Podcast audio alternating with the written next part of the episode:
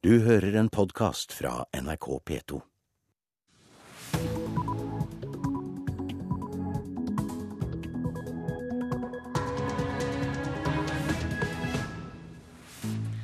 Klokka er 6.30 mandag 19. mars, og du lytter til P2s Nyhetsmorgen. Programleder i dag er Øystein Heggen, og dette er våre overskrifter. SVs stortingsrepresentanter stemmer i dag mot Venstres forslag om å la asylbarna få bli. SV vil stemme med de andre regjeringspartiene fordi vi nå i regjeringa arbeider for å finne en god løsning for de ganske mange barna rundt omkring i Norge som er til dels født her, eller i hvert fall har bodd her lenge, og som risikerer å bli kasta ut. Parlamentarisk leder i SV, Bård Vegar Solhjell. Ingenting tyder på at Hercules-flyet som styrtet i Kebnekaise, drev med taktisk flyging langs konturene av landskapet. Det sier lederen for Havarikommisjonen. Nobelprisvinner José Ramos Horta må gå av som president i Øst-Timor. Tapte første runde i valget. Og dette er fem millioner dagen. Så mange mennesker er bosatt i landet nå.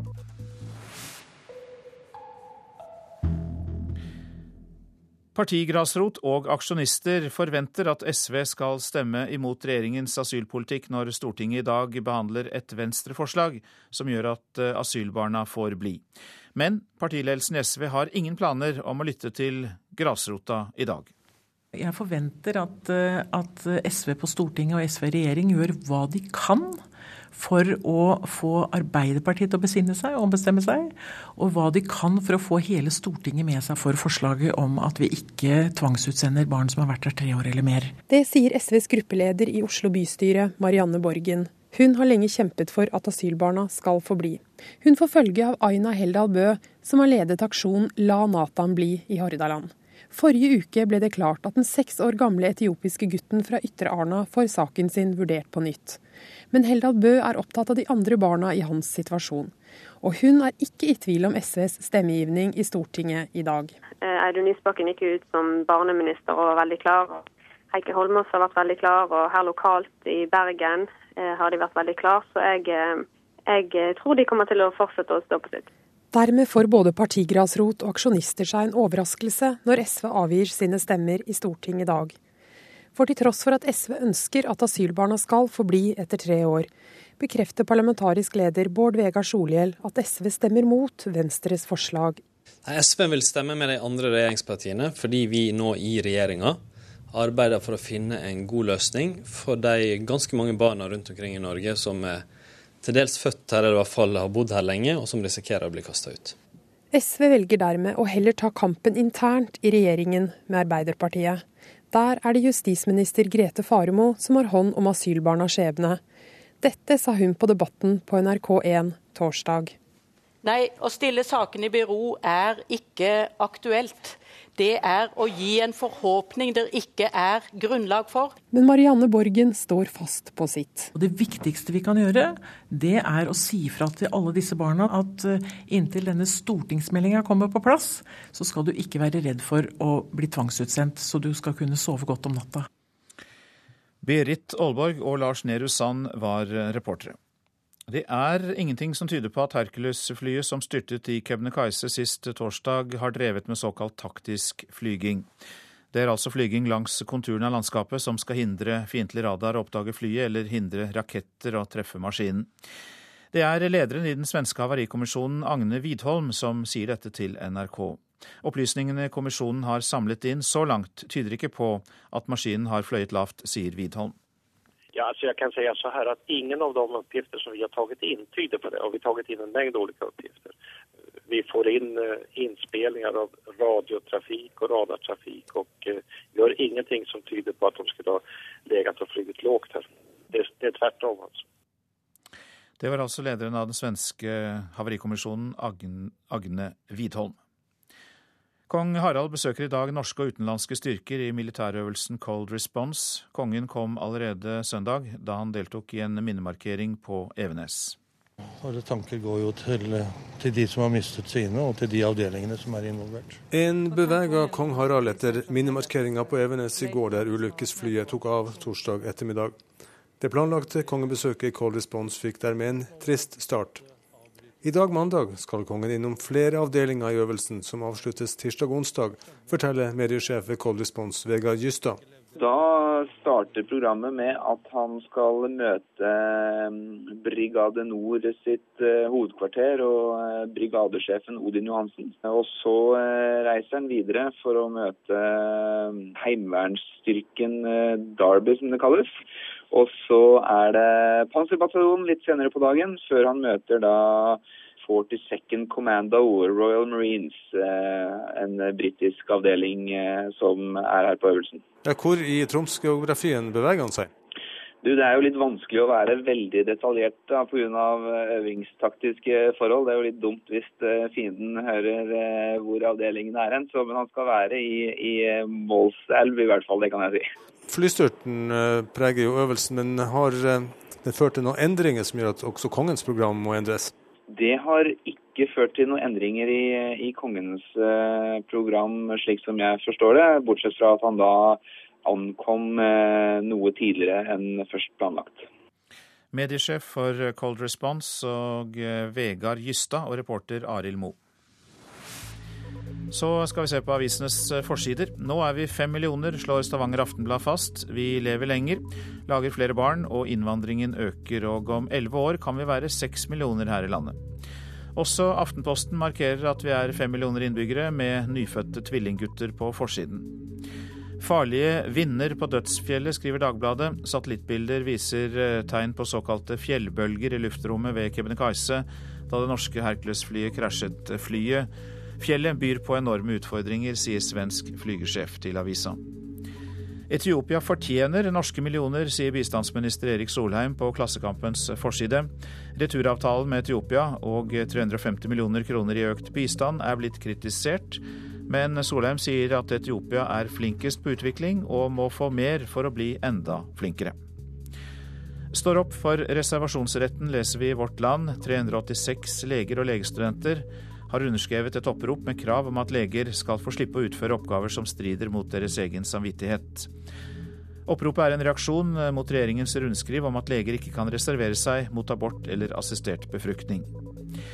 Ingen er misfornøyde i Oslo og Akershus, er nasjonens oppslag. Sju av ti her i landet er fornøyde med å bo i de fylkene de er, og aller mest fornøyde er de som bor i hovedstaden og fylket som omkranser den. Hanker inn eksansatte er oppslaget i Dagens Næringsliv om konsulentselskapet Ernst Young. Hver tiende ansettelse er gamle ansatte som kommer tilbake. Voksne menn er mest utsatt for båtulykker, men blåser i å skaffe seg båtførerbevis, skriver Bergens Tidende. Bare 2000 båtførere over 30 år tok denne prøven i fjor. Kreftsyke Ylva på fem år kjenner kaoset på kroppen, er Dagsavisens oppslag om følgene av sammenslåingen av sykehus i Oslo. Foreldrene forteller om kaos og rutinesvikt. Og VG minner oss om at i morgen kommer selvangivelsen.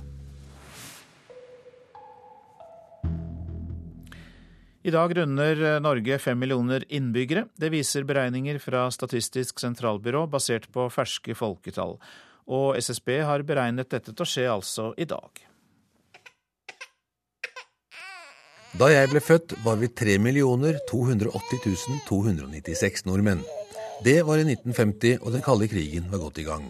I tiden fram til 1960 hadde vi den hittil nest største befolkningsveksten, for vi økte med 314 475 i de ti årene frem til 1960. Den dårligste perioden var fra 1980 til 90. Da økte vi med bare vel 157 000. Siden har tiårsøkningen ligget på mellom 200 og 300 000. Men så kommer det. Fra år 2000 til 2012 eksploderer det. Per 1. januar i år var vi 4 985 870. Med andre ord, de siste tolv år har vi blitt 507 373 flere. I dag 19. mars til herrens år 2012 har det tilkommet ytterligere 14 130 stykk nordmenn. Det betyr at i løpet av dagen runder vi fem millioner. Ja, det var sannelig godt det var en med godt humør til slutt der. I tillegg til det nyfødte så hørte vi altså da reporter Ståle Ytrehus. Seniorforsker i Statistisk sentralbyrå, Helge Brunborg, velkommen. Mange takk. Ja, hvor sikre er vi på at vi passerer eh, fem millioner-merket i dag? Vi er ikke aldeles sikre på at det er akkurat i dag, men rundt i dag er vi at vi, vi kan ikke få vite den nøyaktige datoen før ute i mai pga. forsinkede meldinger som kommer inn hele tida.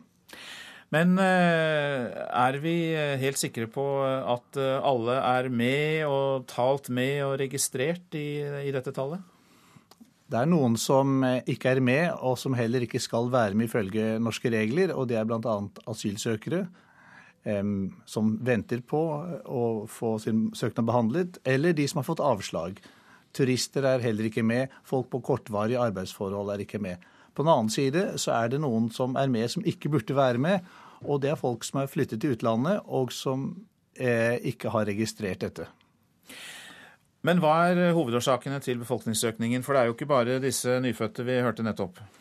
Hovedårsaken er veldig rask innvandring etter 2004, da det ble ti nye medlemsland i EU med hvor borgere fra disse landene hadde fri tilgang til det norske arbeidsmarkedet.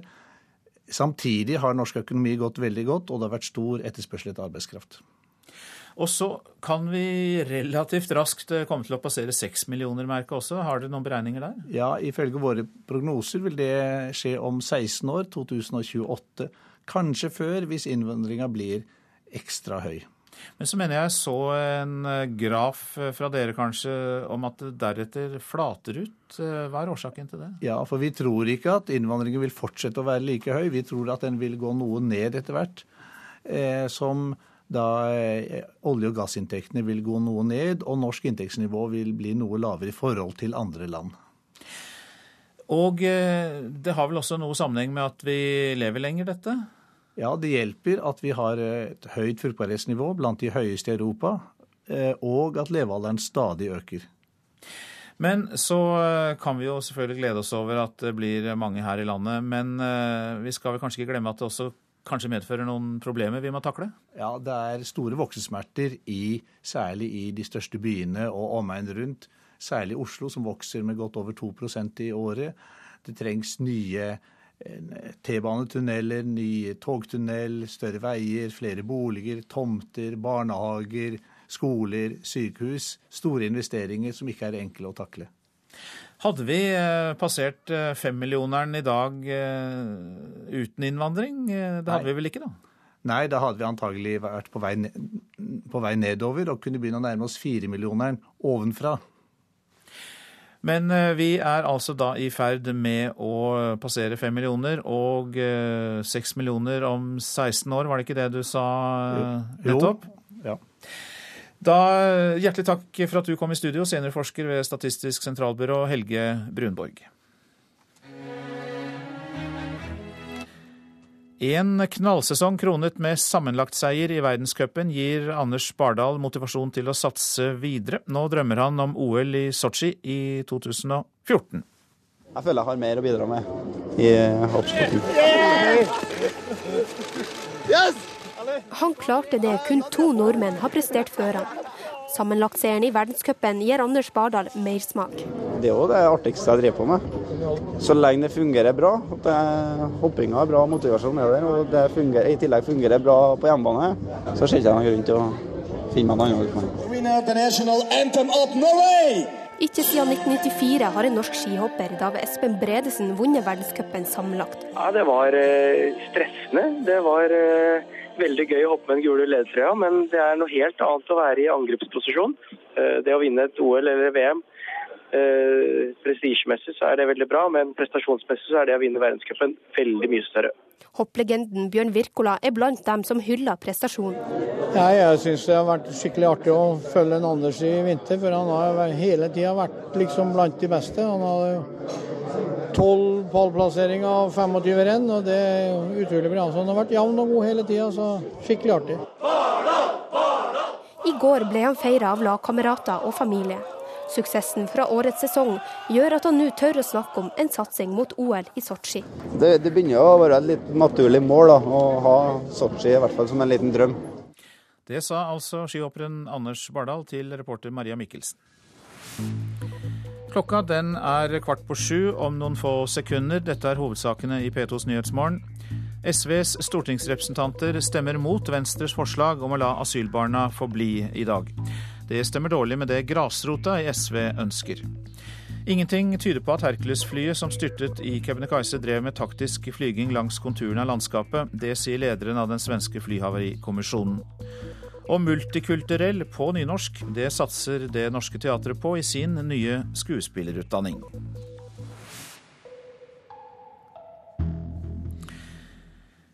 Nå om eh, nobelprisvinner og eh, sittende president eh, José Ramos Horta, som ikke går videre til andre omgang i presidentvalget i Øst-Timor. Opposisjonspartiet Fretelins kandidat og en tidligere geriljaleder går videre til andre runde i valget. Og eh, Norald Pedersen, du er journalist i NRK og har skrevet en bok om eh, Øst-Timor og fredsprosessen der. Og eh, hvorfor ble fredsprisvinner Ramos Horta slått ut, tror du? Nei, Dette er ikke helt overraskende. Det var på forhånd spådd en hard og tøff kamp mellom disse tre kandidatene som, som du nevner. Når det gjelder Horta, så han en, har vært en respektert leder i nesten fire tiår i Øst-Timor. Men samtidig er han kontroversiell. Han har bl.a. stått på ei kompromissløs forsoningslinje mot Indonesia, og som vi vet så er Indonesia ansvarlig for folkemord i Øst-Timor. Men Horta har ikke ønskt å sette vennskapet til denne mektige naboen på spill, og har satt seg imot et rettsoppgjør. Og Dette er jo selvsagt vanskelig å svelge for eh, alle de ofrene som ønsker en viss form for eh, oppreising. Men det kanskje viktigste eh, grunnen til at han ikke eh, fikk den nødvendige støtten i, i, valget på lørdag, det eh, er at han ikke lenger har eh, at han fikk støtten fra sittende statsminister Shanana Gusmao. Den støtten hadde han for fem år siden, men denne gangen mista han. Bl.a. fordi han har kritisert Gusmao som regjeringssjef, og han har kritisert regjeringa, bl.a. for overdreven pengebruk. Og Hva kan du si om eh, de to kandidatene som nå skal eh, gå til eh, ny runde i valget i april? Eh, det er helt åpent hvem som kommer til å vinne mellom eh, de to. Eh, begge har maktbasen sin i, fra frigjøringskampen. Den tidligere forsvarssjefen har kanskje et større velgertekke blant de yngre, misfornøyde arbeidsløse velgerne. Men det, som kommer til å avgjøre dette, her, er hvem de får støtte av nå fram mot andre valgomgang i midten av april. Horta har allerede sagt at han skal forholde seg nøytral, og da blir eh, den politiske støtten fra de politiske partiene helt avgjørende. Så dette kommer til å bli et, eh, en spennende andre runde.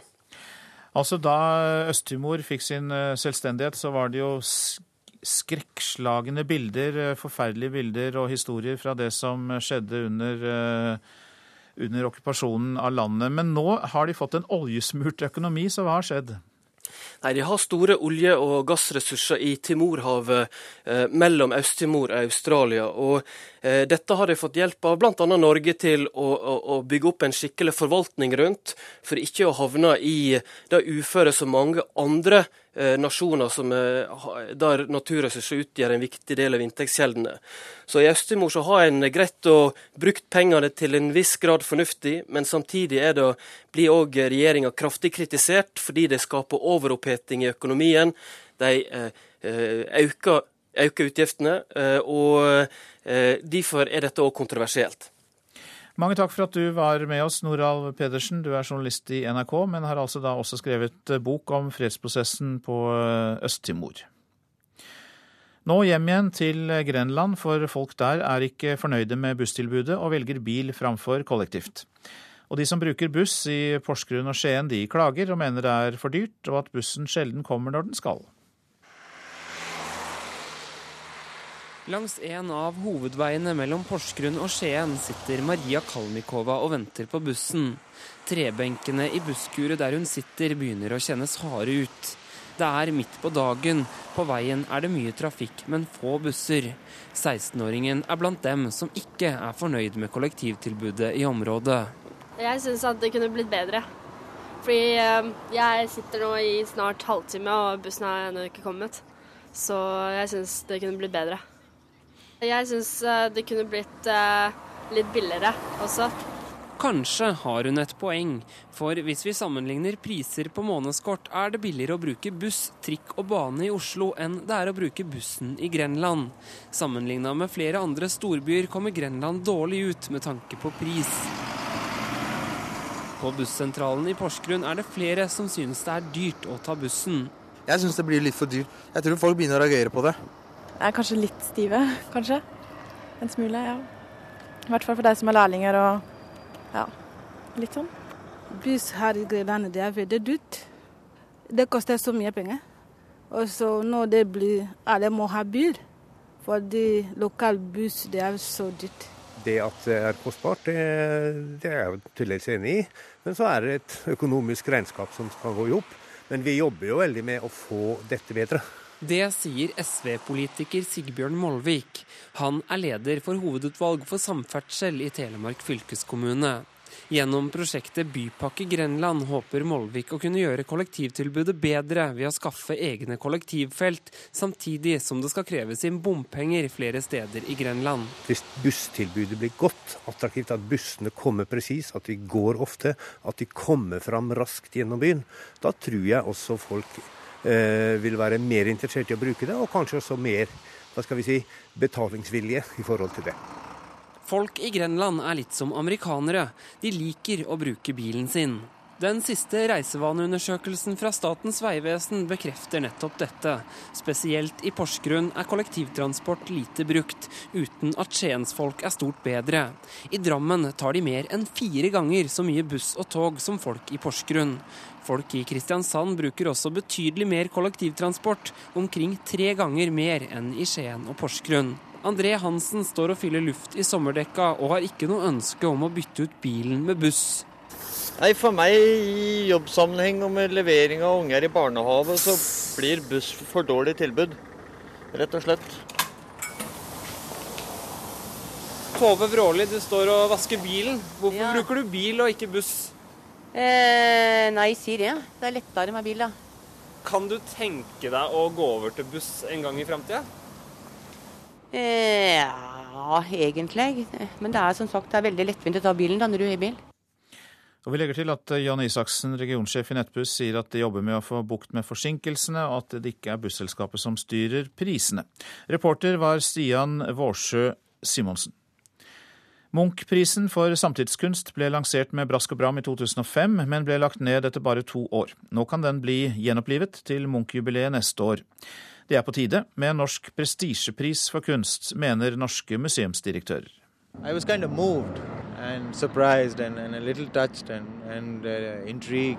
Den indiske dokumentarfilmskaperen Amar Kanwar ble rørt da han i 2005 fikk Munch-prisen på 350 000 kroner og et seks måneders arbeidsopphold på Munchs eiendom Ekeli i Oslo.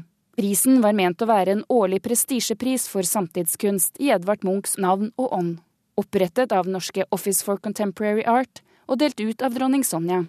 Men etter bare to utdelinger ble prosjektet stoppet. Nå er det på tide å få prisen opp og stå igjen til Munch-jubileet neste år, mener direktør Tone Hansen ved Henny Onsdag kunstsenter. Munch fortjener en pris i sitt navn, og vi burde vært stolte av, eh, av Munch som merkevare og knytta han sterkere til, til Norges identitet. Ledelsen ved flere kunstmuseer NRK har vært i kontakt med, mener det er på tide med en prestisjetung norsk kunstpris. I morgen annonseres vinneren av årets internasjonale Ibsenpris. En norsk Ibsenpris deles også ut årlig. Men det finnes ingen pris i Munchs navn. Det mener Hansen er på sin plass at Norges største billedkunstner får. Vi er en nasjon eh, som har fostra én stor kunstner, og det er Munch. Og gjennom å lage en internasjonal pris er vi med på å markere både viktigheten av Munch eh, og av Norge som et eh, land for kunst. Dette er mesterverk og hovedverk fra samlingen, som er i det første rommet her. Direktør ved Munch-museet Stein Olav Henriksen hadde aldri hørt om prisen før NRK tok kontakt. Men nå vil han gjerne være med på å dele den ut. Vi kunne godt tenke oss å være på en eller annen måte med på en sånn eh, pristenkning. Altså Kanskje den kunne vært delt ut på Munch-museet og fått en enda sterkere tilknytning til Edvard Munch og hans kunst. Office for Contemporary Art Norway opplyser overfor NRK at de ønsker å dele ut prisen igjen fra neste år, i anledning Munch-jubileet. Men det blir ingen pris uten mer penger. Nå søker OKA om rundt 400 000 kroner til dette i neste års statsbudsjett. Og reporter var eh, Ida Kvitingen. Det blir en utfordring å få skuespillere som ikke har etnisk norsk bakgrunn til å spille på nynorsk, sier lederen for Nordic Black Theatre. I dag går søknadsfristen til den nye skuespillerutdanningen ved Det Norske Teatret ut. Sammenlignet eh, sammen med Høgskolen i Nord-Trøndelag vil de utdanne skuespillere med ikke-etnisk norsk bakgrunn. Altså, dette er et nynorskteater. Det som spilles skal være på nynorsk, eller ha rotfeste i dialektene. Eh, og da kanskje også sosialektene. Det, det, er noen gutter her som, som vet om det, så de skal spre året rundt. Eirik Brøyn og David Allen er på Kaféteatret på Grønland og jakter på potensielle skuespillere. De gjør et siste utspill for å skaffe søkere til skuespillerutdanningen som starter på Det Norske Teatret til høsten. Målet er å utdanne fire skuespillere med familiebakgrunn utenfor Europa. Nå legger jeg flyers slik at det blir litt synlig, og at folk skal plukke opp. Hva er det står på dem? Det står 'Vil det bli skuespiller?' på nynorsk. Tror du folk er keen på å snakke nynorsk? Nei. Tobasi fra Palestina er en av de som vil prøve seg på audition. Og nynorsken, den kunne han gjerne ha klart seg uten. Ja, jeg vet hva det er. Så jeg vet nynorsk, men de også sier på søknaden at de trenger bare norsk. Han tror det kan bli vanskelig å få en av de fire studieplassene. Det er ikke sånn ti eller åtte, men fire. Det betyr ja, vanskelig å gå inn, så du må virkelig bli en interessant person til å gå inn. Men jeg håper at virkelig de velger riktige folk. Jarl Solberg leder Nordic Black Theater i Oslo. Et flerkulturelt teater som også gir skuespilleropplæring. Han har lang erfaring med å rekruttere ungdom til teatret, og tror utfordringen vil bli å finne skuespillerspirer som tør å nærme seg en institusjon som Det Norske Teatret. Altså, I hvert fall våre folk jobber med mange språk, og gjerne i herlige kombinasjoner. Hvis Det Norske Teatret tåler kebab nynorsk, så, så, burde ikke det være noe problem. Og jeg, jeg tror ikke det nødvendigvis skremmer folk fra å søke. Jeg tror, jeg tror, det er mer da, at folk kan være skummelt å nærme seg en sånn institusjon. Og da må de jo stå med veldig åpne armer for at folk skal komme dit. På Det Norske Teatret står egne garderober og venter på studentene. To gutter deler en sånn garderobe, og så to jenter en tilsvarende ved siden av. Eirik Brøyn håper at verveinnsatsen på Kaféteatret og i annonser har skaffet nok søkere. På Spotify-annonsene og de nettbaserte annonsene vi har hatt, så har det vært veldig stor interesse. Eh, mye større interesse enn det jeg tror eh, kommer til å gjenspeile seg i søkermassen, for der snakker vi om tusener. Får vi 20 søkere, så er det veldig bra, det. Får vi 50, så er det helt utrolig. Ja, det håpet Eirik Brøyn på. Han er leder for Det multinorske teatret. Reporter Ina Charlotte Fjellhøy.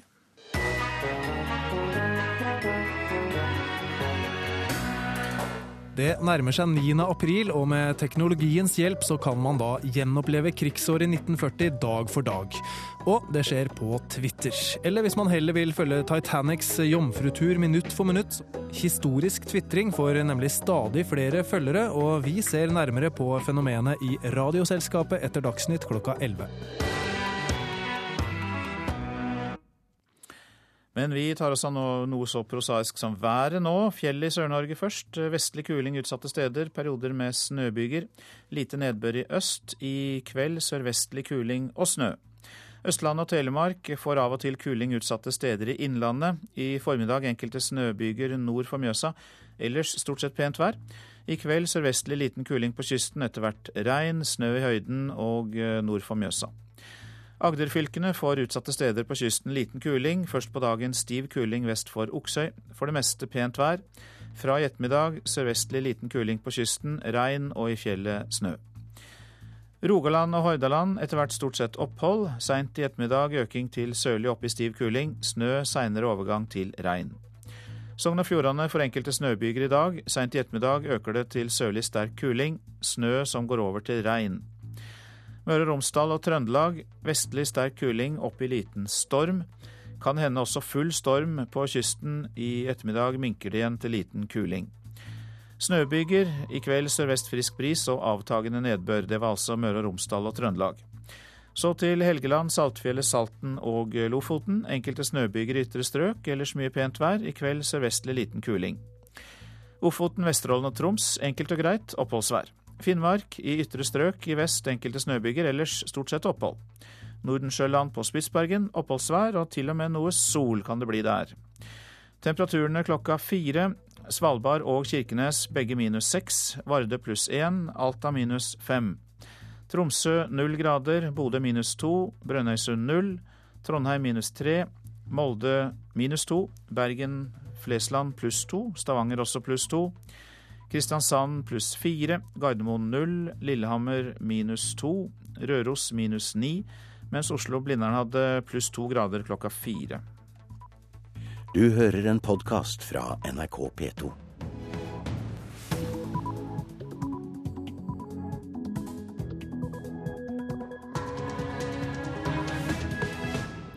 Nå er klokka sju, og du lytter til Nyhetsmorgen. Her er Øystein Heggen programleder i dag, og vi har denne nyhetsoppdateringen.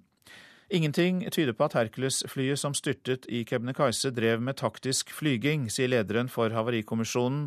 20 personer jobber nå for å finne årsaken til tragedien. Vi får inn eh, innspillinger av radiotrafikk og radartrafikk, og uh, gjør ingenting som tyder på at de skulle ha ligget og flyget lavt her. Det, det er tvert om. altså. Lederen i den svenske havarikommisjonen, Agne Widholm. Den økonomiske krisen i Europa tvinger prostituerte til Norge. Veldig stor økning i utenlandske gateprostituerte. Og vi ser også at økningen kommer eh, blant, eh, særlig blant nigerianske kvinner. Som eh, i hovedsak kommer fra Italia og Spania opp til Norge for å selge seksuelle tjenester. Leder av Prosenteret, Bjørg Nordli. Bare menn som tjener lite og dør fort, tjener på å ta ut tidligpensjon, sier Nav. Nobelprisvinner José Ramos Horta må gå av som president i Øst-Timor. Han tapte første runde i eh, valget. Når det gjelder Horta, så han en, har vært en respektert leder i nesten fire tiår i Øst-Timor. Men samtidig er han kontroversiell. Han har bl.a. stått på ei kompromissløs forsoningslinje mot Indonesia, og som vi vet så er Indonesia ansvarlig for folkemord i Øst-Timor. Men Horta har ikke ønskt å sette vennskapet til denne mektige naboen på spill, og har satt seg imot et rettsoppgjør. Sa journalist og kjenner av Øst-Timor, Noralv Pedersen. Og Egypts kristne er i sorg. I helgen døde deres åndelige leder, pave Shenuda den tredje. Det er ingenting som tilsier at Hercules-flyet som styrtet i Kebnekaise sist torsdag, drev med såkalt taktisk flyging. Det er flyging som skal hindre fiendtlig radar å oppdage flyet, eller også hindre bakkete luftraketter å treffe maskinen. Det sier lederen i den svenske havarikommisjonen Agne Widholm til NRK. Opplysningene kommisjonen har samlet inn så langt, tyder ikke på at flymaskinen har fløyet lavt, sier Widholm. Ja, alltså jag kan säga så här att ingen av de uppgifter som vi har tagit in tyder på det. Och vi har tagit in en mängd olika uppgifter. Vi får in eh, inspelningar av radiotrafik och radartrafik och eh, gör ingenting som tyder på att de skulle ha legat och flugit lågt her. Det, det är tvärtom alltså. Den svenske havarikommisjonen har henta inn to norske havariinspektører og eksperter fra det norske luftforsvaret. Til sammen skal et tjuetalls personer nå lete etter årsaken til tragedien sist torsdag. Flere medier har meldt at det norske Hercules-flyet var en del av en simulert krigsøvelse da det krasja i fjellveggen. Sjefen for Forsvarets operative hovedkvarter, Håkon Brun-Hansen, sier Hercules-maskinen ikke drev med taktisk flyging.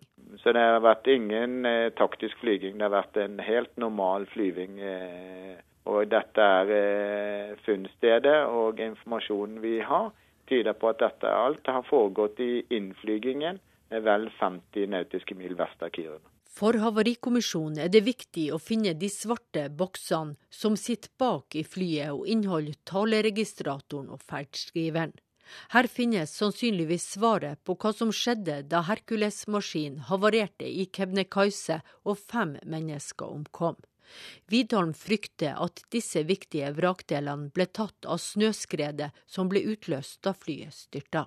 Stor mengde av vrakdelene har havnet flere hundre meter nedenfor, og så har de begravd i, i snømasser. Og det innebærer at vi må forsøke å lokalisere rett vrakdel, altså grave på den plassen for å uh, komme åt dem. her. Barbro Andersen hadde laget dette innslaget. Politiet i Sverige fortsetter i dag med full styrke arbeidet med å finne de omkomne etter Hercules-ulykken, etter at eh, de i natt har fått eh, hvile. Informasjonssjef Børje Øman forteller at eh, det er en tung belastning for letemannskapene. Det er jo så at på, vi, vi, skal jo dessverre ikke søke etter noen overlevende, men vi har da valgt å hvile vår personal i natt. og haft det här området under bevakning så att det inte ska komma in några obehöriga under natten.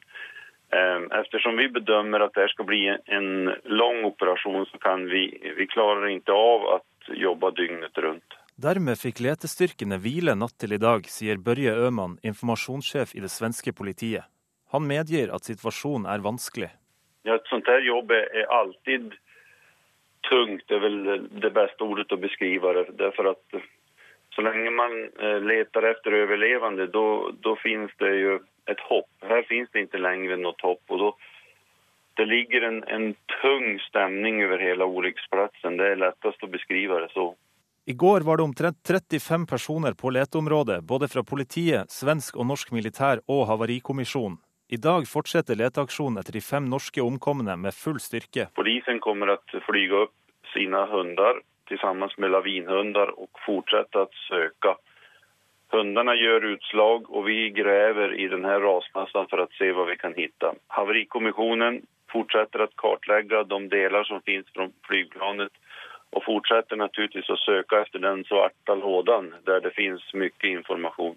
Samtidig er det vanskelige forhold på ulykkesstedet i leteområdet i Kebnekaise, og Øman er forberedt på at leteaksjonen kan ta flere uker. Det finnes en risk for at vi under perioden måste avbryta det här arbetet för att eh, det går inte att komma längre. Det är stora rasmassor med snö som har kommit ner och det är ju i de här rasmassorna som delar av flygplanet och även de omkomna finns. Och vi kan i sämsta fall komma till ett läge där det inte går att göra mer, utan vi måste vänta. Reporter var Ole Marius Rørstad. Og um, vi skal direkte til Bardufoss og få mer informasjon om flyulykken litt senere i sendingen. Nå om prostitusjon, for menn har ikke lenger like god råd til å kjøpe sex ellers i Europa. Derfor kommer flere prostituerte til Norge. Prostituerte fra andre europeiske land drar hit for å unnslippe den økonomiske krisen. Prosenterets årsrapport viser at 70% flere selger sex på gata nå enn for to år siden. Nye sexarbeidere kommer fra Spania, Italia og Øst-Europa. I switch off my brain when I work with when I am with customer because I separate two things: privat life and working life. Klokka er like over tolv. Julie står parkert ved havneområdet i Oslo og venter på at noen skal ringe. Varen hun selger vil kundene ha billigere enn før. Customer stop and ask for 200 or 150 stuff like that. It's never be like that. Den økonomiske krisa i Europa har nådd gata i Norge. Estimater fra Prosenteret viser at 850 prostituerte seg ute i Oslo i fjor, mot 500 to år tidligere. Det sier leder Bjørg Nordli. Og Vi ser også at økningen kommer blant, særlig blant nigerianske kvinner. Som i hovedsak kommer fra Italia og Spania og opp til Norge for å selge seksuelle tjenester. Det er ikke forbudt å kjøpe sex i disse landene, sånn som det er i Norge. Likevel kan det være 150 prostituerte ute en Oslo-natt.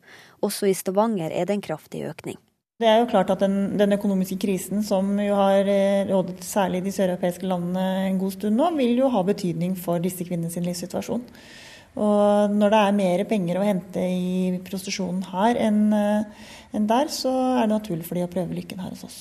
Hun er jo også en av de, og det, og det står en en østeuropeisk jente som er gravid i sjette måned og selger seg. Ja. Janni Winterbauer er leder i de prostituertes interesseorganisasjon, og sier det er bakmennene som pøster på med jenter for å tjene like mye som før. Jentene blir fattigere og fattigere, mens, mens bakmannen sitter med samme summen uansett. I 2011 ble 32 anmeldt for menneskehandel, bare to flere enn året før. Winterbauer mener politiet må konsentrere seg om bakmennene. Det er jo ikke for ingenting at de har havnet på gata. Det er jo, det er jo uh, trafficking på, det, på, sitt verste, hvor de kanskje har vært utsatt for, for massevoldtekter og, og masse greier. For å psyke de ned, for å liksom klargjøre de for prostitusjonsmarkedet. Og til tross for en ny strøm av prostituerte fra Europa, blir færre menn anmeldt for å kjøpe sex. En nedgang på 20% fra året før er fasiten når anmeldelsene for 2011 er talt opp. Julie tror aldri politiet vil få menn til å følge loven. Horny men always pain.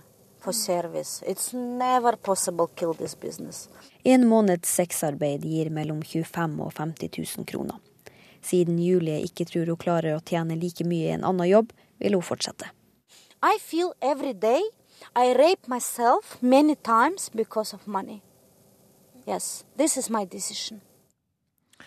Reportere var Kristine Svendsen og Tonje Grimstad. Justisminister Grete Farmo kunne ikke komme, men vi har med oss deg, Tove Lise Torve. Du sitter jo i justiskomiteen for Arbeiderpartiet. Ja, det virker som et paradoks. Norge har forbud mot sexkjøp, og så kommer det likevel flere prostituerte hit for å tjene penger. Hva er din kommentar til det? For det første syns jeg det er trist å høre de her historiene med hun russiske prostituerte. Det gjør jo vondt langt inn i hjerterota. Men det er jo ikke unaturlig at eh, man kommer hit hvor betalingsevnen er større enn den er i Europa for tida.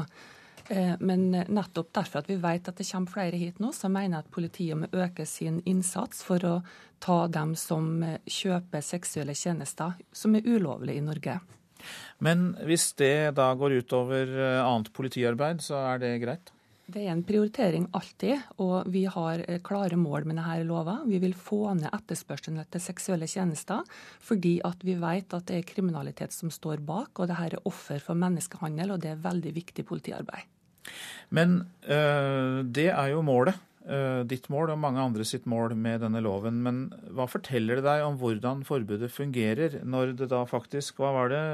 Gått fra 500 prostituerte i Oslo for to år siden til 850 nå? Ja, Inntrykket er jo at det er mindre synlig gateprostitusjon nå etter at loven kom. Eh, men samtidig så er jo det vi ser nå en direkte konsekvens av eh, økonomisk eh, frihet. altså nær sagt At man har nok penger for å kjøpe seksuelle tjenester i Europa. Så man kommer hit av den grunn. Men det er ikke noen grunn til at vi ikke fortsatt skal bekjempe menneskehandel og ta vare på de her jentene, slik at de kommer seg ut av prostitusjon. Men det er åpenbart ikke lagt inn eh, nok krefter i spaning og etterforsking. For eh, det er jo slik at eh, det er 20% færre menn som blir anmeldt for dette her, og det var bare 32. Altså et forsvinnende lite tall i forhold til mengden av prostitusjon i Oslo. Så hvilke konkrete tiltak mener du må settes inn da for at denne loven faktisk skal håndheves? Ja, man må prioritere det nå når man ser at det kommer flere prostituerte hit. Og så er det jo slik at Norsk politi har jo gjennomført veldig mye bra politiarbeid òg. Det har vært flere breie etterforskninger i et uh, internasjonalt uh, samarbeid hvor det har tatt bakmenn både hjemme i Norge og i utlandet. Og det arbeidet må fortsette. Men kunne det vært en tanke å brukt mer arbeid direkte på disse bakmennene, som det ble sagt i innslaget her? tjener like mye som før, mens kvinnene lider. Altså at man setter etterforskningen inn på dem, og ikke bruker så mye krefter på, på de norske kundene. At man prioriterer de som virkelig utnytter kvinnene dag etter dag. Ja, og det er selvsagt eh, et veldig viktig poeng. Og eh, vi har jo òg det her virkemidlet med at vi kan eh, tilby jenter som vil være i rettssaker for å ta de her bakmennene og være vitne, at de kan få mulighet både for beskyttelse og opphold i Norge. Så vi har virkemiddel til å kunne ta flere bakmenn, og innsatsen må helt klart settes der. Men det vil ikke bli mindre prostituerte i Norge om vi opphever et forbud mot kjøp av sex. Takk for at du kom til oss i Nyhetsmorgen, Tove Lise Torve. Du sitter i justiskomiteen for eh, Arbeiderpartiet. Takk skal du ha. Partigrasrot og aksjonister forventer at SV skal stemme mot regjeringens asylpolitikk når Stortinget i dag behandler et venstreforslag som gjør at asylbarna får bli. Men partiledelsen i SV har ingen planer om å lytte til grasrota. Gruppeleder i Oslo SV, Marianne Borgen, er en av dem som krever å bli hørt. Jeg forventer at, eh, at, SV på Stortinget og SV i regjering gjør hva de kan for å få Arbeiderpartiet til å besinne seg og ombestemme seg, og hva de kan for å få hele Stortinget med for forslaget om at vi ikke tvangsutsender barn som har vært her tre år eller mer. Og Det viktigste vi kan gjøre, det er å si fra til alle disse barna at eh, inntil denne stortingsmeldinga kommer på plass, så skal du ikke være redd for å bli tvangsutsendt. Men det er altså da slik at eh, ledelsen i SV velger å arbeide innad i eh, regjeringen for å eh, påvirke denne saken, og stemmer altså ikke for Venstres forslag som blir lagt fram i dag. Så er det Så skal vi videre til pensjon. For hvis du er mann og tjener lite og tror du dør tidlig, så lønner det seg å ta ut tidlig alderspensjon i den nye folketrygden. Det viser tallene i en ny Nav-undersøkelse. Samtidig advares alle kvinner mot å ta ut tidlig pensjon. Seniorrådgiver Ole Kristian Lien står bak disse funnene. Ja, med de prognosene fremover som eh, tilsier lavt rentenivå, så eh, mener vi at eh, for de aller fleste vil det lønne seg å vente med å ta ut pensjonen til de slutter i arbeid. Levealderen øker mye raskere her i landet enn pensjonsberegningene tar høyde for. Dermed vil den som tar ut tidligpensjon tape mer enn tidligere beregnet, viser nye tall fra seniorrådgiver Ole Kristian Lien i Nav. Ja, det stemmer. Eh, alderspensjonen blir eh, beregna ut fra eh, gjennomsnittlig levealder de siste ti år. Men kvinner lever lenger enn menn, og levealderen øker ganske raskt. Sånn at kvinner kan i noen tilfeller tjene mellom 100 og 200 000 kroner gjennom resten av livet på å vente med å ta ut alderspensjon til de slutter i arbeid, framfor å ta ut pensjon allerede når de er 62 år. Hva du har tjent, hvor lenge du lever, hva du bruker pengene til, om du kan forvalte egen økonomi. Alt spiller inn for hva som er lønnsomt når du er 62 år og kan velge å ta ut tidligpensjon. Så det er bare hvis man tjener dårlig og forventer å dø fort, at man bør ta ut pensjonen sin tidlig fra alderstrygden? Ja, det er vårt råd. Vet vi hvem de er som tjener lite og dør fort? Ja, en analyse som SSB har gjort, som viser forskjeller i levealder mellom yrker. Der finner vi f.eks. at leger, arkitekter, eh, lærere er blant de yrkene som har høyest levealder. Kortest levealder finner vi bl.a. Eh, blant eh, servitører og drosjesjåfører. Så hvis man jobber i et utsatt yrke eller har en usunn livsstil, f.eks. røyker, så kan det være grunn til å tro at man har eh, kortere levealder enn gjennomsnittet. Men i disse gruppene eh, kan nok eh, tjene på å ta ut alderspensjonen så tidlig som mulig. Men ikke kvinner i de gruppene? Nei, fordi kvinner generelt lever såpass lenge at selv forskjellen eh, mellom ulike grupper kvinner er såpass liten at eh, det for de aller fleste vil lønne seg å vente med å ta ut alderspensjon til man slutter i arbeid. Det til tross for at mange pensjonseksperter påstår at folk tjener på å ta ut tidlig alderspensjon hvis du utsetter uttak av pensjon, så blir pensjonsrettighetene dine justert med lønnsvekst, eh, lønnsveksten i Norge hvert år. Og eh, mens hvis du investerer pengene selv, så eh, får du en avkastning lik det lave rentenivået. Så for deg så betyr det at du bør utsette uttak av pensjon til du slutter i jobb. Reporter Hedvig Bjørgum. Og faktisk så er det sånn at Hanne Bjurstrøm, statsråd i Arbeidsdepartementet, har kommet i studio. Og ja, hvorfor skal vi slite med nok et valg, da? Hva er grunnen til at vi har denne valgmuligheten? Hadde det ikke vært enklere å si at pensjonen er pensjonen, og ferdig med det? Man har med den nye pensjonsreformen fått et valg, og det tror jeg er veldig bra. Men vi er opptatt av å gi folk gode råd, og vi har nå gjort uh, veldig ordentlige undersøkelser som viser at for de aller fleste så er det klokt å utsette pensjonsuttaket og jobbe lenger. Det er det de vil tjene økonomisk på, i tillegg til at det å jobbe er veldig bra for helsen. Og For kvinner så er det da stort sett lønnsomt å ikke ta ut tidligpensjonen, skjønte jeg? Ja, som jeg sier, for de aller fleste. altså Med mindre du er i en situasjon hvor du kan regne med at du vil dø tidligere enn gjennomsnittet i den aldersgruppen du er i, eh, som jo ikke gjelder for så mange, så er det altså, viser disse undersøkelsene at man bør fortsette å jobbe. At man bør i hvert fall utsette å ta ut pensjonen. Men øh, denne dette uttaket av tidligpensjon, kan det være smart å gjøre det i visse tilfeller, hvis man har viktige ting å bruke de ekstra pengene til? Altså, det er jo noe av det man tar, opp, tar for seg i denne undersøkelsen. Det er, gjort, det er, veldig mange spekulasjoner. Det har kommet mange ulike typer tilbud på markedet fra mm. banker osv. Eller i hvert fall man har snakket om det. Eh, jeg er veldig opptatt av at folk skal tenke seg veldig nøye om før man går på den type tilbud. Hvis man ser på utviklingen i finanssektoren og finansmarkedet og, og en del dårlige tilbud folk har gått på de senere årene, så er nok folketrygden det absolutt beste stedet hvor man har pengene sine. Eh, kombinert altså da med at man holder seg aktiv gjennom å delta i arbeid.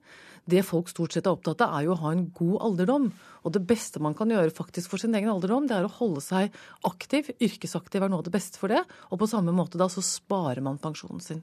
Men hvis man uh, i en alder uh, godt over 60 har en gjeld som ligger som en skygge over livet, kan det være en fordel å ta ut tidligpensjonen og begynne å nedbetale den fortere? Eh, det er også noe man diskuterer her, ikke sant? hvorvidt det kan være lurt å bruke og ta ut pengene. Det blir jo da et spørsmål om hva man regner med at man må betale, altså hva er, hva er kostnadene ved den gjelden, kontra hva man taper på å, å, å, ta, opp, å, ta, ut pensjonen tidligere. Man skal være klar over at når man tar ut pensjonen tidlig, så får man over hele livsløpet en lavere pensjon. Det er jo poenget med pensjonsreformen, at for samfunnet, økonomisk, er det ikke avgjørende. Fordi enten så kan du ta ut tidlig, og da får du en lavere pensjon over hele livsløpet, eller du kan ta ut sent, og da får du da en høyere pensjon. Men for samfunnet betyr det ikke noe økonomisk om du gjør det ene eller det andre. Men konklusjonen er at det er denne lille gruppa vi hørte om innledningsvis, altså de som eh, dør tidlig og har lav lønn, eh, og som da ofte er menn, som kan ha fordel av det. Ellers vil de fleste andre ikke ha det. Det er konklusjonen, ja. Hjertelig takk for at du kom i studio, Hanne Bjurstrøm, statsråd i eh, Arbeidsdepartementet. Da skal vi tilbake til Hercules-ulykken ved Kebnekaise, der altså fem av Forsvarets offiserer omkom. Og det siste nye fra den svenske havarikommisjonen er at det ikke er noe som tilsier at Hercules-flyet som styrtet, eh, drev med såkalt taktisk flyging. Det er altså flyging som skal hindre fiendtlig radar å oppdage flyet, eller at uh, bakke til luftraketter skal treffe maskinen, altså som en del av en øvelse. Vi har med oss reporter Eirik Veum fra Bardufoss. Uh, og hva forteller det oss at ulykken kanskje ikke skjedde under taktisk flyging? Her i Forsvaret iallfall så blir det blir de opplysningene selvfølgelig eh, tatt imot eh, med fortsatt en viss undring. fordi eh, her har man jo stilt seg helt uforstående til at noe sånt kan skje. og det er klart, Hvis det nå handler om at dette kan være tekniske problemer på flyet, hvis det, hvis det er den teorien man nå samler seg rundt fra Havarikommisjonen, så er det klart at da, da er nok mange her overrasket over at flyene da eventuelt har hatt en feil. Eh, samtidig så blir det sagt herfra nå på morgenen at nå må mediene ta det med ro. Nå Må mediene besinne seg. fordi I går så var det flere aviser som nærmest slo fast at det var taktisk flyvning som var årsaken til eh, denne ulykken. Mens i dag så ser det ut til at eh, det kanskje er en annen, en annen versjon man samler seg med rundt. og og uh, Offiserene her på morgenen har sagt at uh, nå må mediene ta det ro og først gå ut på ting når de er sikre. Fordi denne kommisjonen skal jo jobbe med å vurdere alle disse fakta som kommer inn? Ja, og uh, inntil det ligger en konklusjon der, så bør i alle fall mediene poengtere eller, eller presisere at opplysningene de kommer ut med, kun er spekulasjoner. Du har overnattet på Setermoen, og hva er ditt inntrykk av stemningen, hvordan folk har det?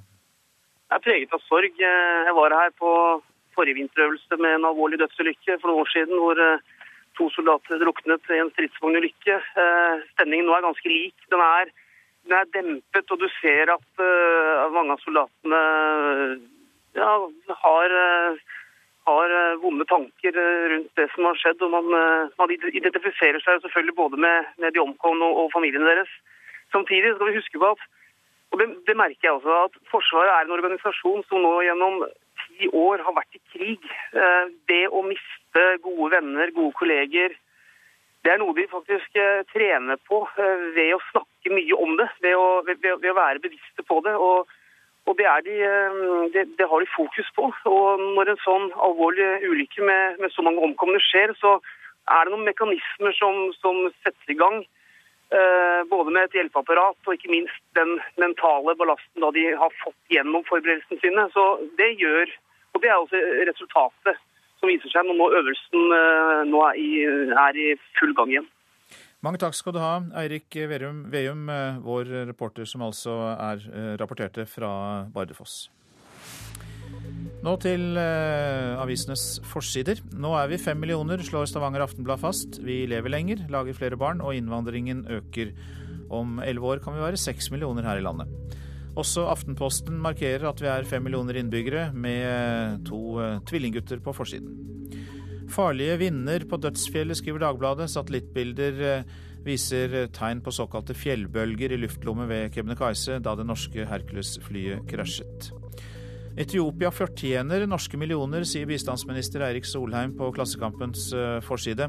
Returavtalen med Etiopia og 350 millioner kroner i økt bistand er blitt kritisert, men Erik Solheim sier at Etiopia er flinkest på utvikling og må få mer for å bli enda flinkere.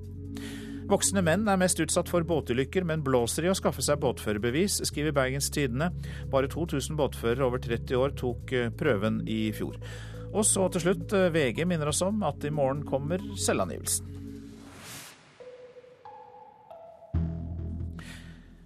Nobelprisvinner og eh, sittende president eh, José Ramos Horta går altså ikke videre til andre omgang i presidentvalget i Øst-Timor, ifølge en ny meningsmåling.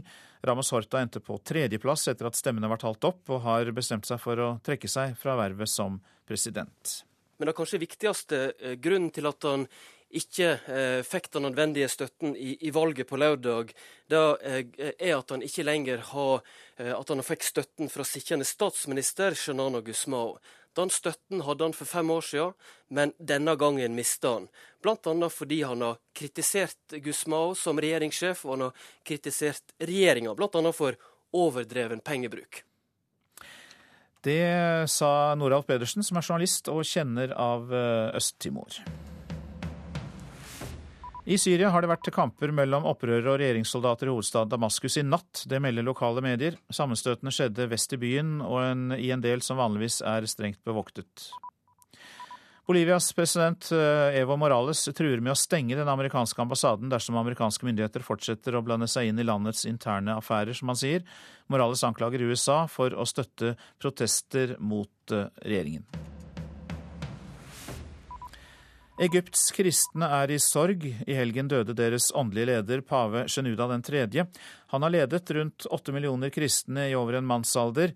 Kondolansene har strømmet inn fra hele verden, og kristne egyptere har, eh, har strømmet til for å ta farvel med sin avdøde pave.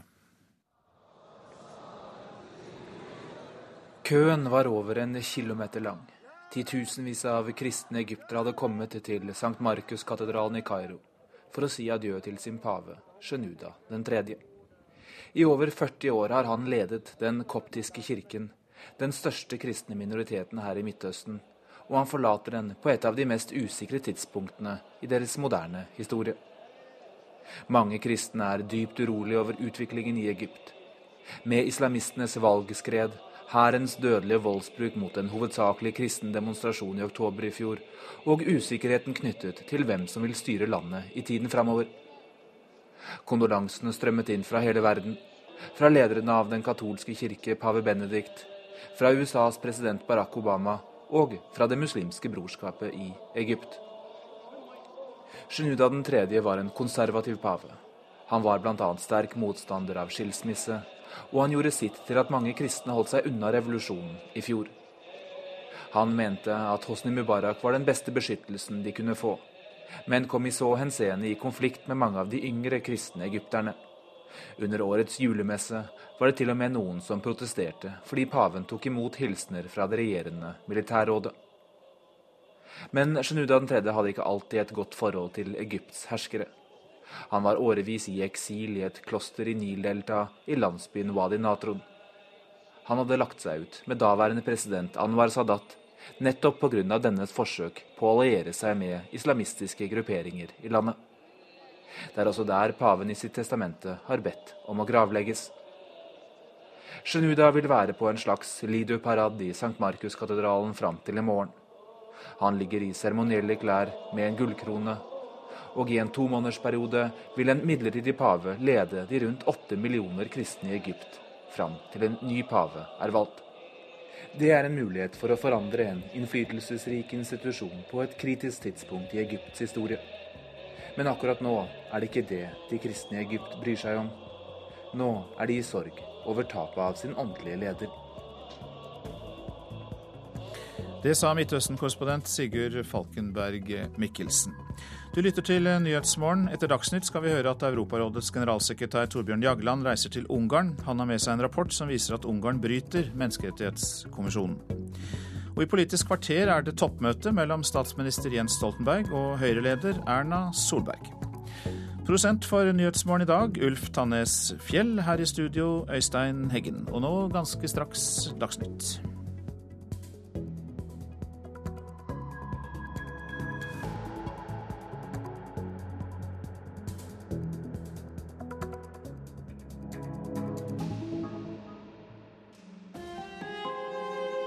Hør ekko.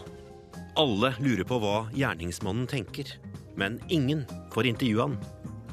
Er hensynet til de pårørende etter 22.07 godt nok argument for å holde mikrofonen unna Norges verste kriminelle?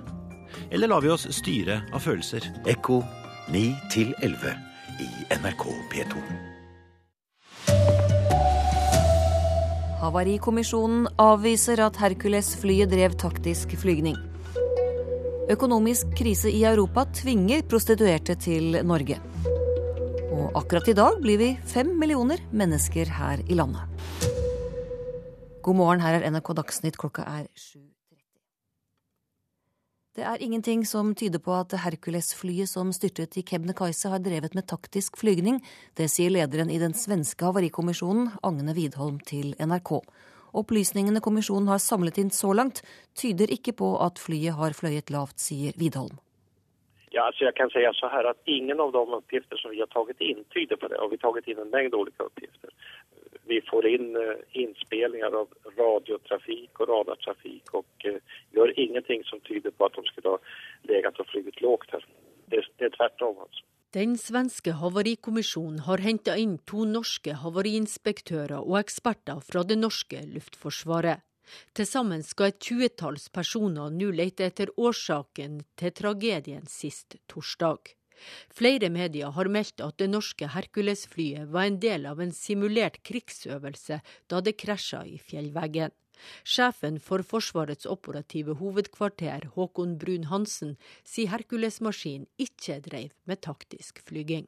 Så det har vært ingen eh, taktisk flyging, det har vært en helt normal flyving. Eh, og dette er eh, funnstedet og informasjonen vi har, tyder på at dette alt har foregått i innflygingen vel 50 nautiske mil vest av Kiruna. For Havarikommisjonen er det viktig å finne de svarte boksene som sitter bak i flyet og inneholder taleregistratoren og ferdskriveren. Her finnes sannsynligvis svaret på hva som skjedde da Hercules-maskinen havarerte i Kebnekaise og fem mennesker omkom. Widholm frykter at disse viktige vrakdelene ble tatt av snøskredet som ble utløst da flyet styrta stor mängd av vrakdelarna har hamnat flera hundra meter nedanför och sen så har de begravts i, i snömassor. Och det innebär att vi måste försöka lokalisera rätt vrakdelar, alltså gräva på den platsen för att uh, komma åt dem här. Reporter Barbro Andersen. Og politiet i Sverige fortsetter i dag med full styrke arbeidet med å finne de døde etter Hercules-ulykken, etter at mannskapene i natt har fått hvile. Informasjonssjef Børje Øman forteller at det er en tung belastning for de som leter. Ja, det er et psykisk jobbigt arbete eftersom vi, vi søker jo etter kamerater som er døde. Dermed fikk letestyrkene hvile natt til i dag, sier Børje Øman, informasjonssjef i det svenske politiet.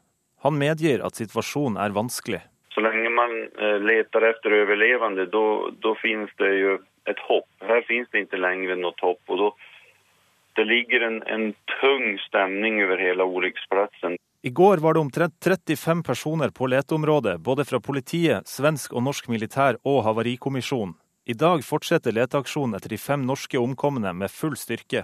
Polisen kommer til å flyge opp sine hunder sammen med lavinhunder og fortsette å søke. Hundene gjør utslag, og vi graver i denne rasmassen for å se hva vi kan finne. Havarikommisjonen fortsetter å kartlegge de deler som finnes fra flyplanet og fortsetter naturligvis å søke etter den svarte lådan der det finnes mye informasjon. Reporter Ole Marius Rørstad.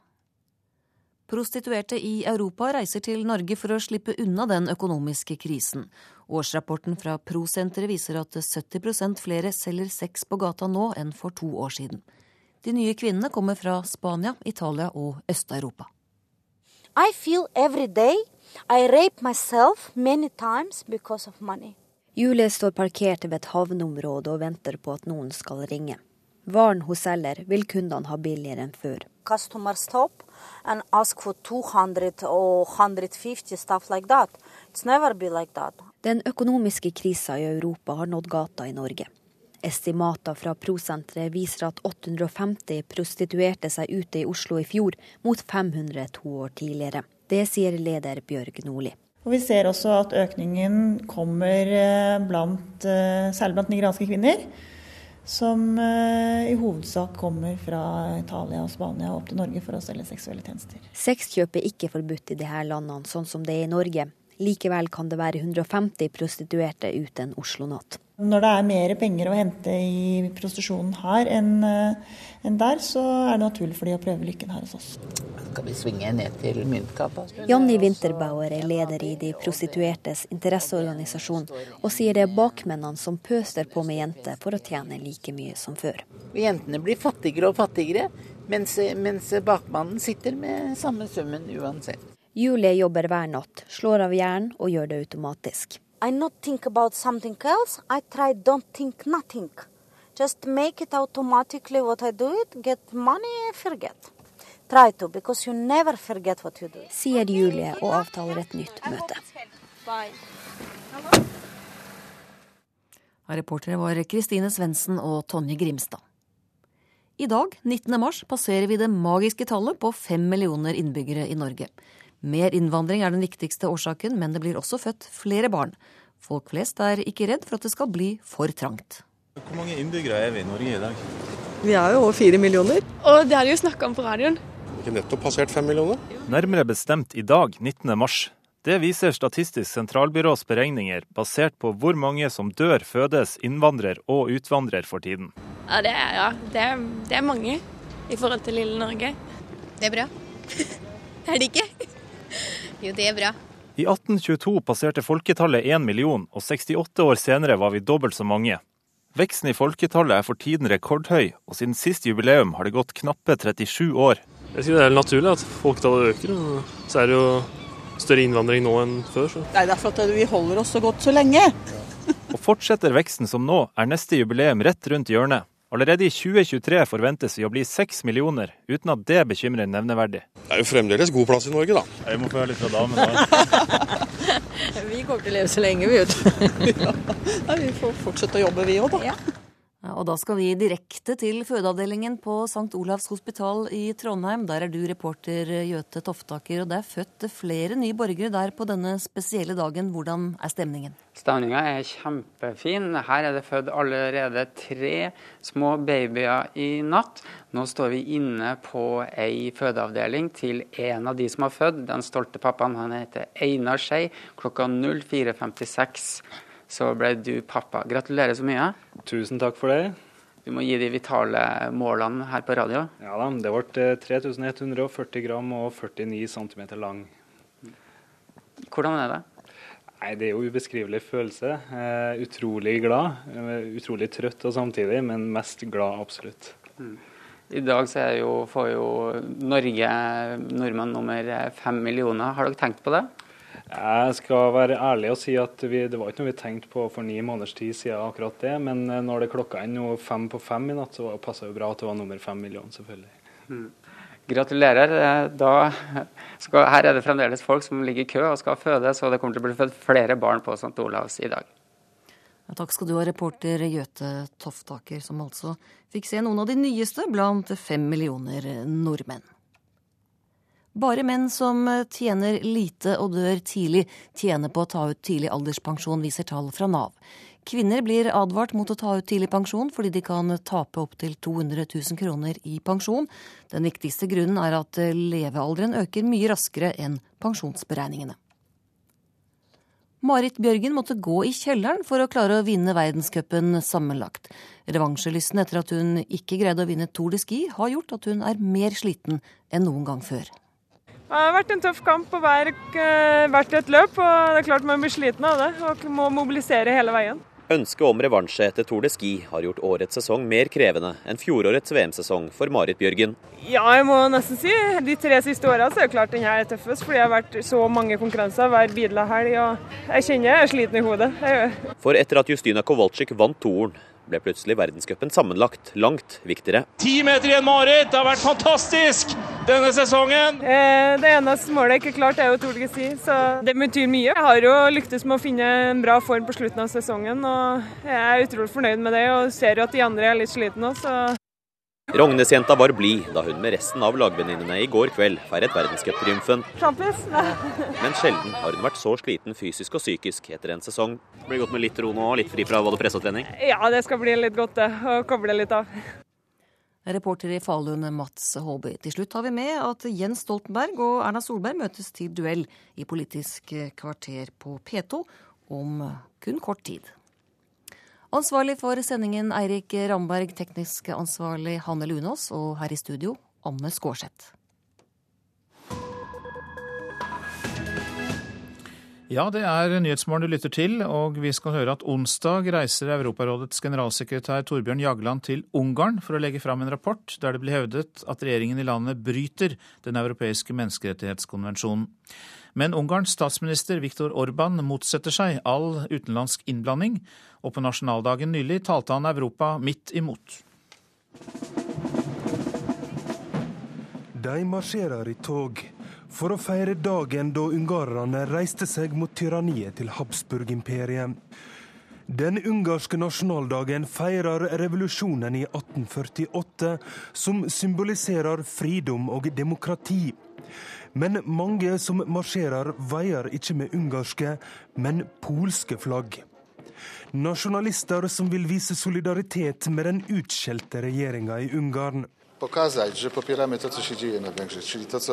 Vi ønsker å vise at det statsminister Viktor Orban bygger opp her i Ungarn, har vår fulle støtte, sier polakken Ryszard Kauczynski. 164 év után most először for første gang på 168 år kan våre to nasjoner leve sammen som venner og brødre, og vi feirer dagen sammen, sier ungareren Scholt Bayer.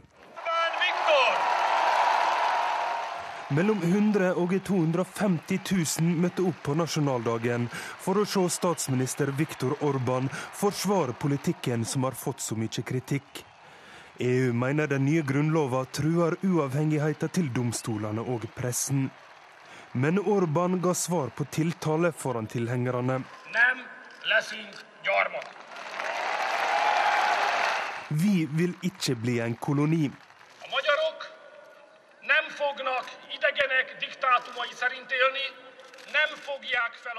Ungarere skal ikke leve under kommando av framande makter. De nekter å gi fra seg uavhengigheten og fridommen. Og de vil ikke gi fra seg den nye grunnloven som var til etter 20 år.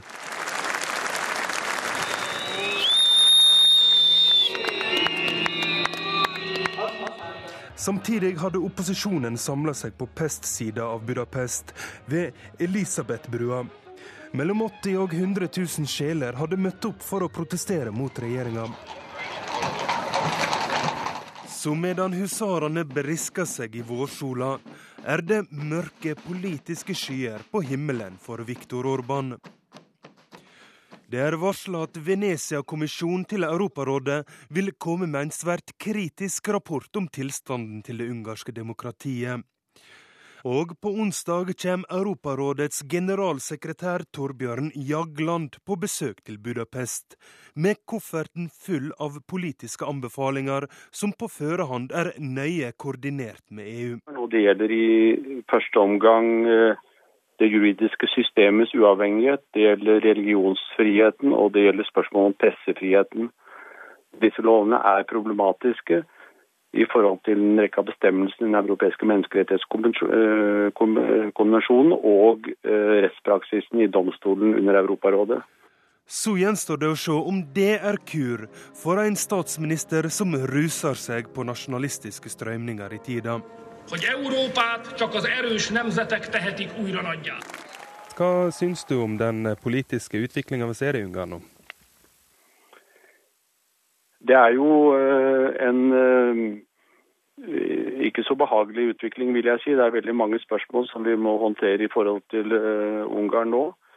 Men det er dessverre del av en større tendens som vi ser over hele Europa.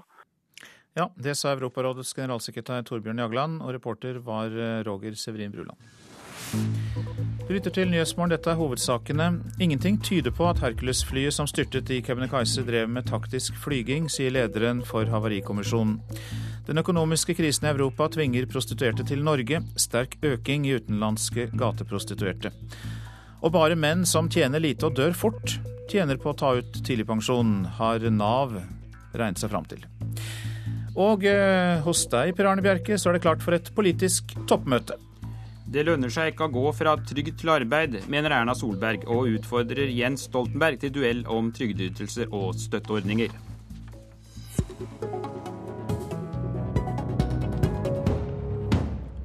Velkommen til Politisk kvarter, statsminister Jens Stoltenberg og Høyre-leder Erna Solberg. Solberg, på partiets sentralstyremøte i går ettermiddag sa du at det ikke lønner seg å gå fra trygd til arbeid. Hvordan begrunner du det? For en del grupper som eh, mottar f.eks. overgangsstønad og andre arbeidsavklaringspenger, så får de altså mer utbetalt eh, med de, med de tilleggene de har hvis de har barn, enn det de ville fått i en relativt sett normal, men lavtlønnet jobb i Norge. Og for grupper med lave kvalifikasjoner så betyr det at det lønner seg ikke å gå ut i jobb. Og da blir det rasjonelt at de blir, forsøker å bli værende på trygdeytelser istedenfor at de går ut. Og det som er farlig med dette, det er at vi bl.a. nå vet at det å være på sosialhjelp, det å få uføretrygd, det går faktisk også i arv. Det er, det er en mestringsstrategi som noen har, og det er, går fort i arv til deres barn. Den kjeden er vi nødt til å bryte. Vi er nødt til å bryte den med å gripe inn og få foreldrene aktivt ut i arbeid. Statsminister Stoltenberg, akkurat i dag passerer vi fem millioner innbyggere.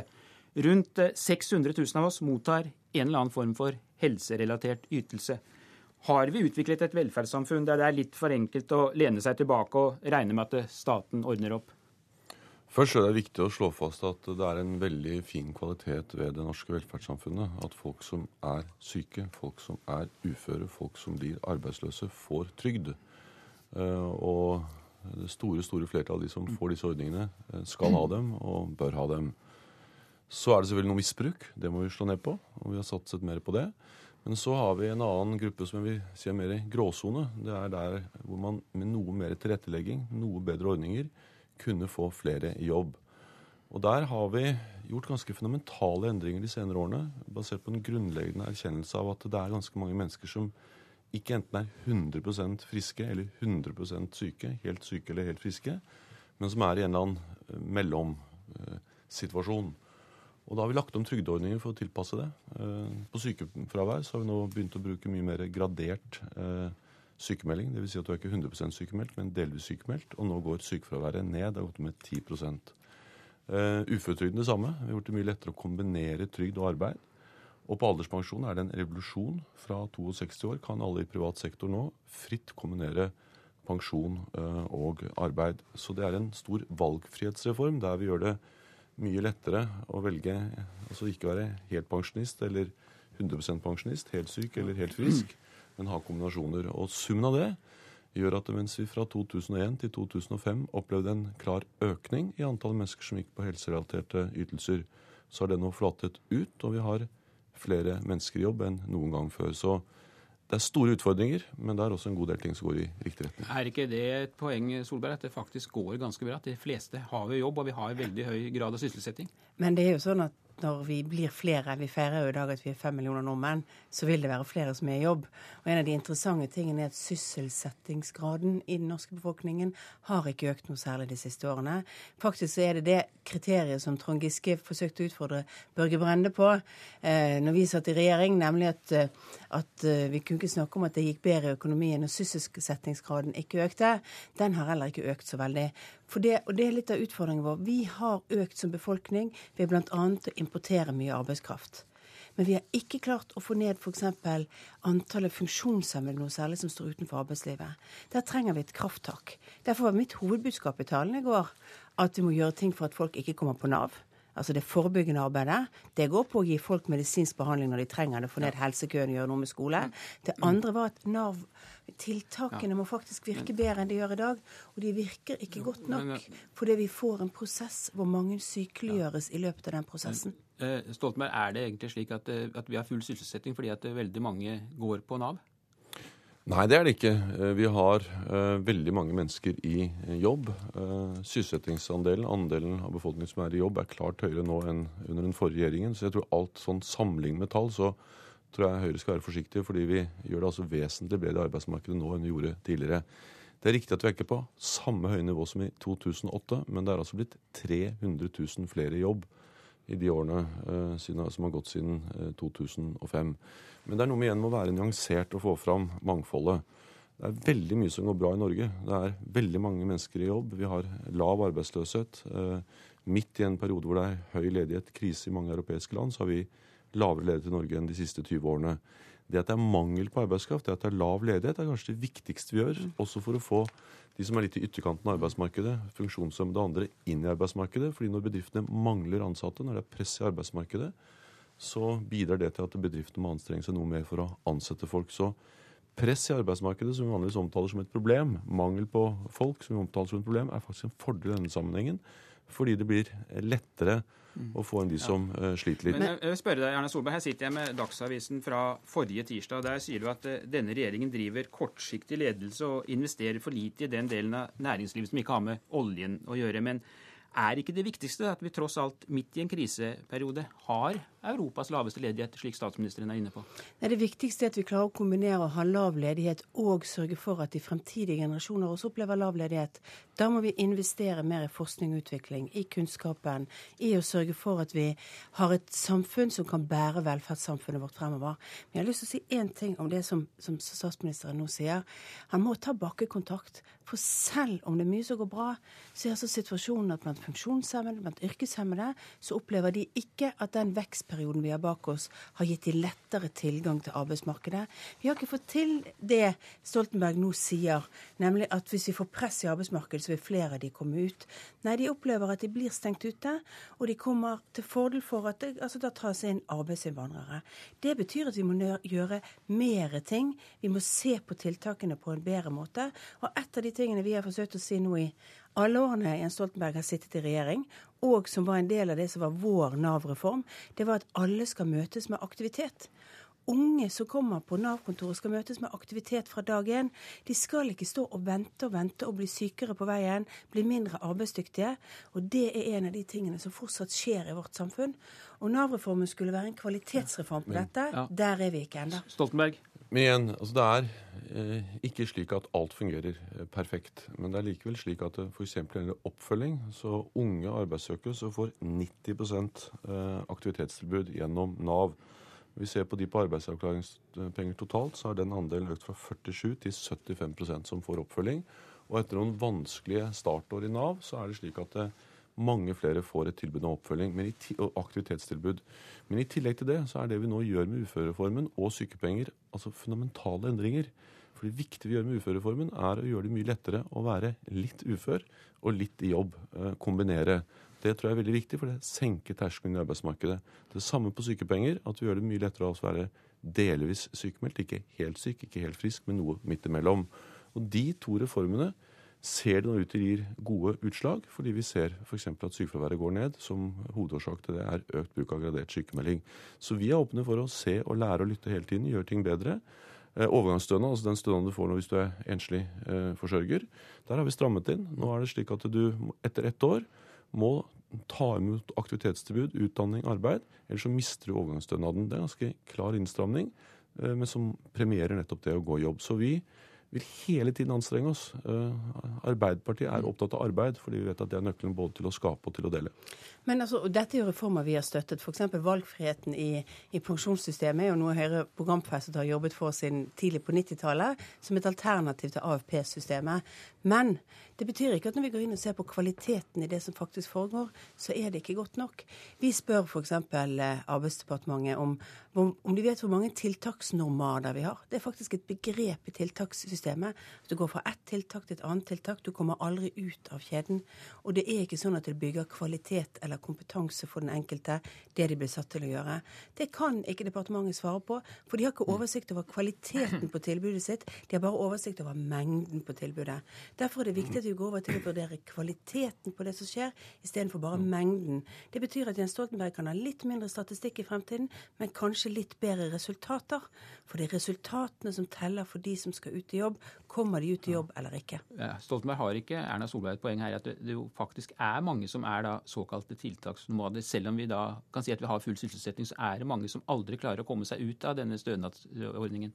Jo, det er mange som sliter med det. eh, Og da har jeg to ting å si om det. Eh, Noen mennesker skal være på trygd, fordi det er det deres livssituasjon eh, tilsier. Og ingen skal skamme seg over det. De skal motta trygd og leve med det, og, og, og vi skal ikke kritisere noen for det. Men det er for mange som blir tvunget inn i en trygde- eller stønadstilværelse. Eh, Men da har vel Erna Solberg litt rett, da. Altså, det er jo ingen som påstår at det ikke er et problem at 600 000 mennesker i arbeidsdyktig alder som går på ulike helserelaterte ytelser, ikke er et problem. Det er jo derfor vi har lagt fram uførereformen. Det er derfor vi har lagt fram endringene i sykepengeordningen. Og det er derfor vi har laget hele pensjonsreformen. Og det er derfor vi også kommer mange flere aktivitetstilbud gjennom eh, Nav. Men så sier jeg to ting til. og Det ene er at eh, andelen som er på denne type ytelser, økte klart fra 2001 til 2005 har nå flatet og faktisk gått litt ned. Sykefraværet går noe ned, og samlet antall mennesker på denne type ulike eh, helserelaterte ytelser har flatet ut. Det andre er at eh, vi da altså gjør det aller viktigste for å bidra til at flere kan komme i jobb og færre støttes ut. Det er å holde arbeidsløsheten lav. For vi vet at hvis ledigheten er høy, da mister jo eh, først de jobben som sliter litt fra før av, og de som står utenfor, får enda mindre mulighet til å komme inn. Og så lager vi ordninger som aktivitetstilbud, som tiltak gjennom Nav, som gjør at vi bygger broer inn igjen i arbeidsmarkedet, og så har vi gjort det mer økonomisk lønnsomt for folk å gå fra trygd til arbeid. Så vi kommer nok aldri dit at alt er i orden, men eh, det er ganske viktige, fundamentale ting som har skjedd, som er små revolusjoner i hvordan vi tenker trygd og arbeid på. Vi gjør det lettere å kombinere den store Nå skal, skal vi over til en annen sak som har preget den politiske debatten de siste dagene, og hvor dere to ikke er så uenige som det dere er i denne saken, nemlig skjebnen til asylbarna. I formiddag kommer saken opp i Stortinget, og i helgen har eh, flere fylkesårsmøter i Arbeiderpartiet bedt om at asylbarna får bli. Her skal vi høre litt fra årsmøtet i Oslo Arbeiderparti. Derfor håper jeg at årsmøtet vil støtte mindretallslisensen. Tusen hjertelig takk for meg.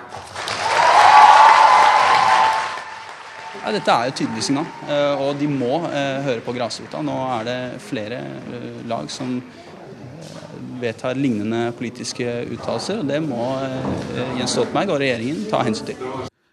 Til slutt her hørte vi lederen i Oslo AUF, Vegard Grønli Vennesland. Eh, Stoltenberg, legger dette press på regjeringen, eller gjør det ikke det? Jeg merker meg og lytter til alle forslag og vedtak eh, i Arbeiderpartiet og i og for seg også utenfor Arbeiderpartiet som tar opp barns situasjon. Det er et uttrykk for at veldig mange mennesker er forståelig nok engasjert i de barna. Det forstår jeg veldig godt. Samtidig så er vi nødt til å være opptatt av å være rettferdige eh, og konsekvente i eh, asylpolitikken. Dette dreier seg om eh, 450 opp mot 500 barn som har vært der over eh, tre år. De har søsken, og de har foreldre som også må bli hvis barna får bli. Og Da snakker vi en ganske stor gruppe. Eh, Og Det ene er at eh, de er er mennesker som har fått sin sak behandlet. De er vurdert flere ganger i UDI, UNE, kanskje det norske rettsapparatet. Og det er eh, gjort endelig vedtak om at de ikke har krav på opphold fordi de ikke er forfulgt.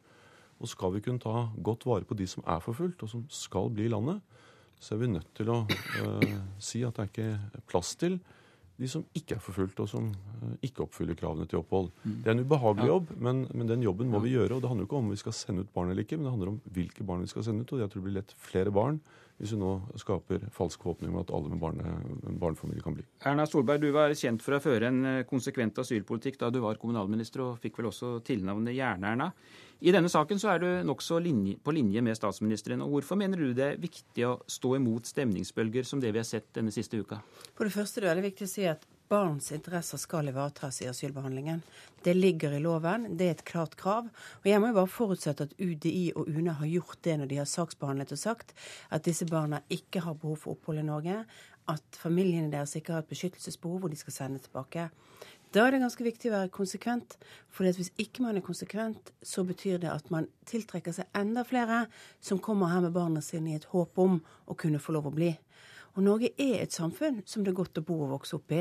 Men vi kan ikke løse alle disse utfordringene som er rundt omkring i verden, ved at familier med barn skal flytte her og få opphold gjennom asylinstituttet. Det er en viktig grensepål å holde. Stoltenberg, nå hadde vi for en tid tilbake Amelie-saken, og nå er det asylbarna. Og Begge saker har ført til sterkt engasjement i deler av befolkningen, også blant dine egne partimedlemmer. Gjør ikke dette noe særlig inntrykk på deg? Jo, det gjør inntrykk, men jeg vet også at det i dag sitter flere tusen mennesker på norske mottak som har fått opphold, eh, som er forfulgt, og som vi ikke greier å bosette i kommunene. Slik vi sliter allerede i dag med å gi plass til de som har krav på opphold, og som har blitt vurdert eh, at de er forfulgt og ikke kan sendes ut. Og Da syns jeg det er ganske drøyt at vi altså skal eh, gjøre det enda vanskeligere for dem ved å gi opphold til mennesker som ikke er forfulgt.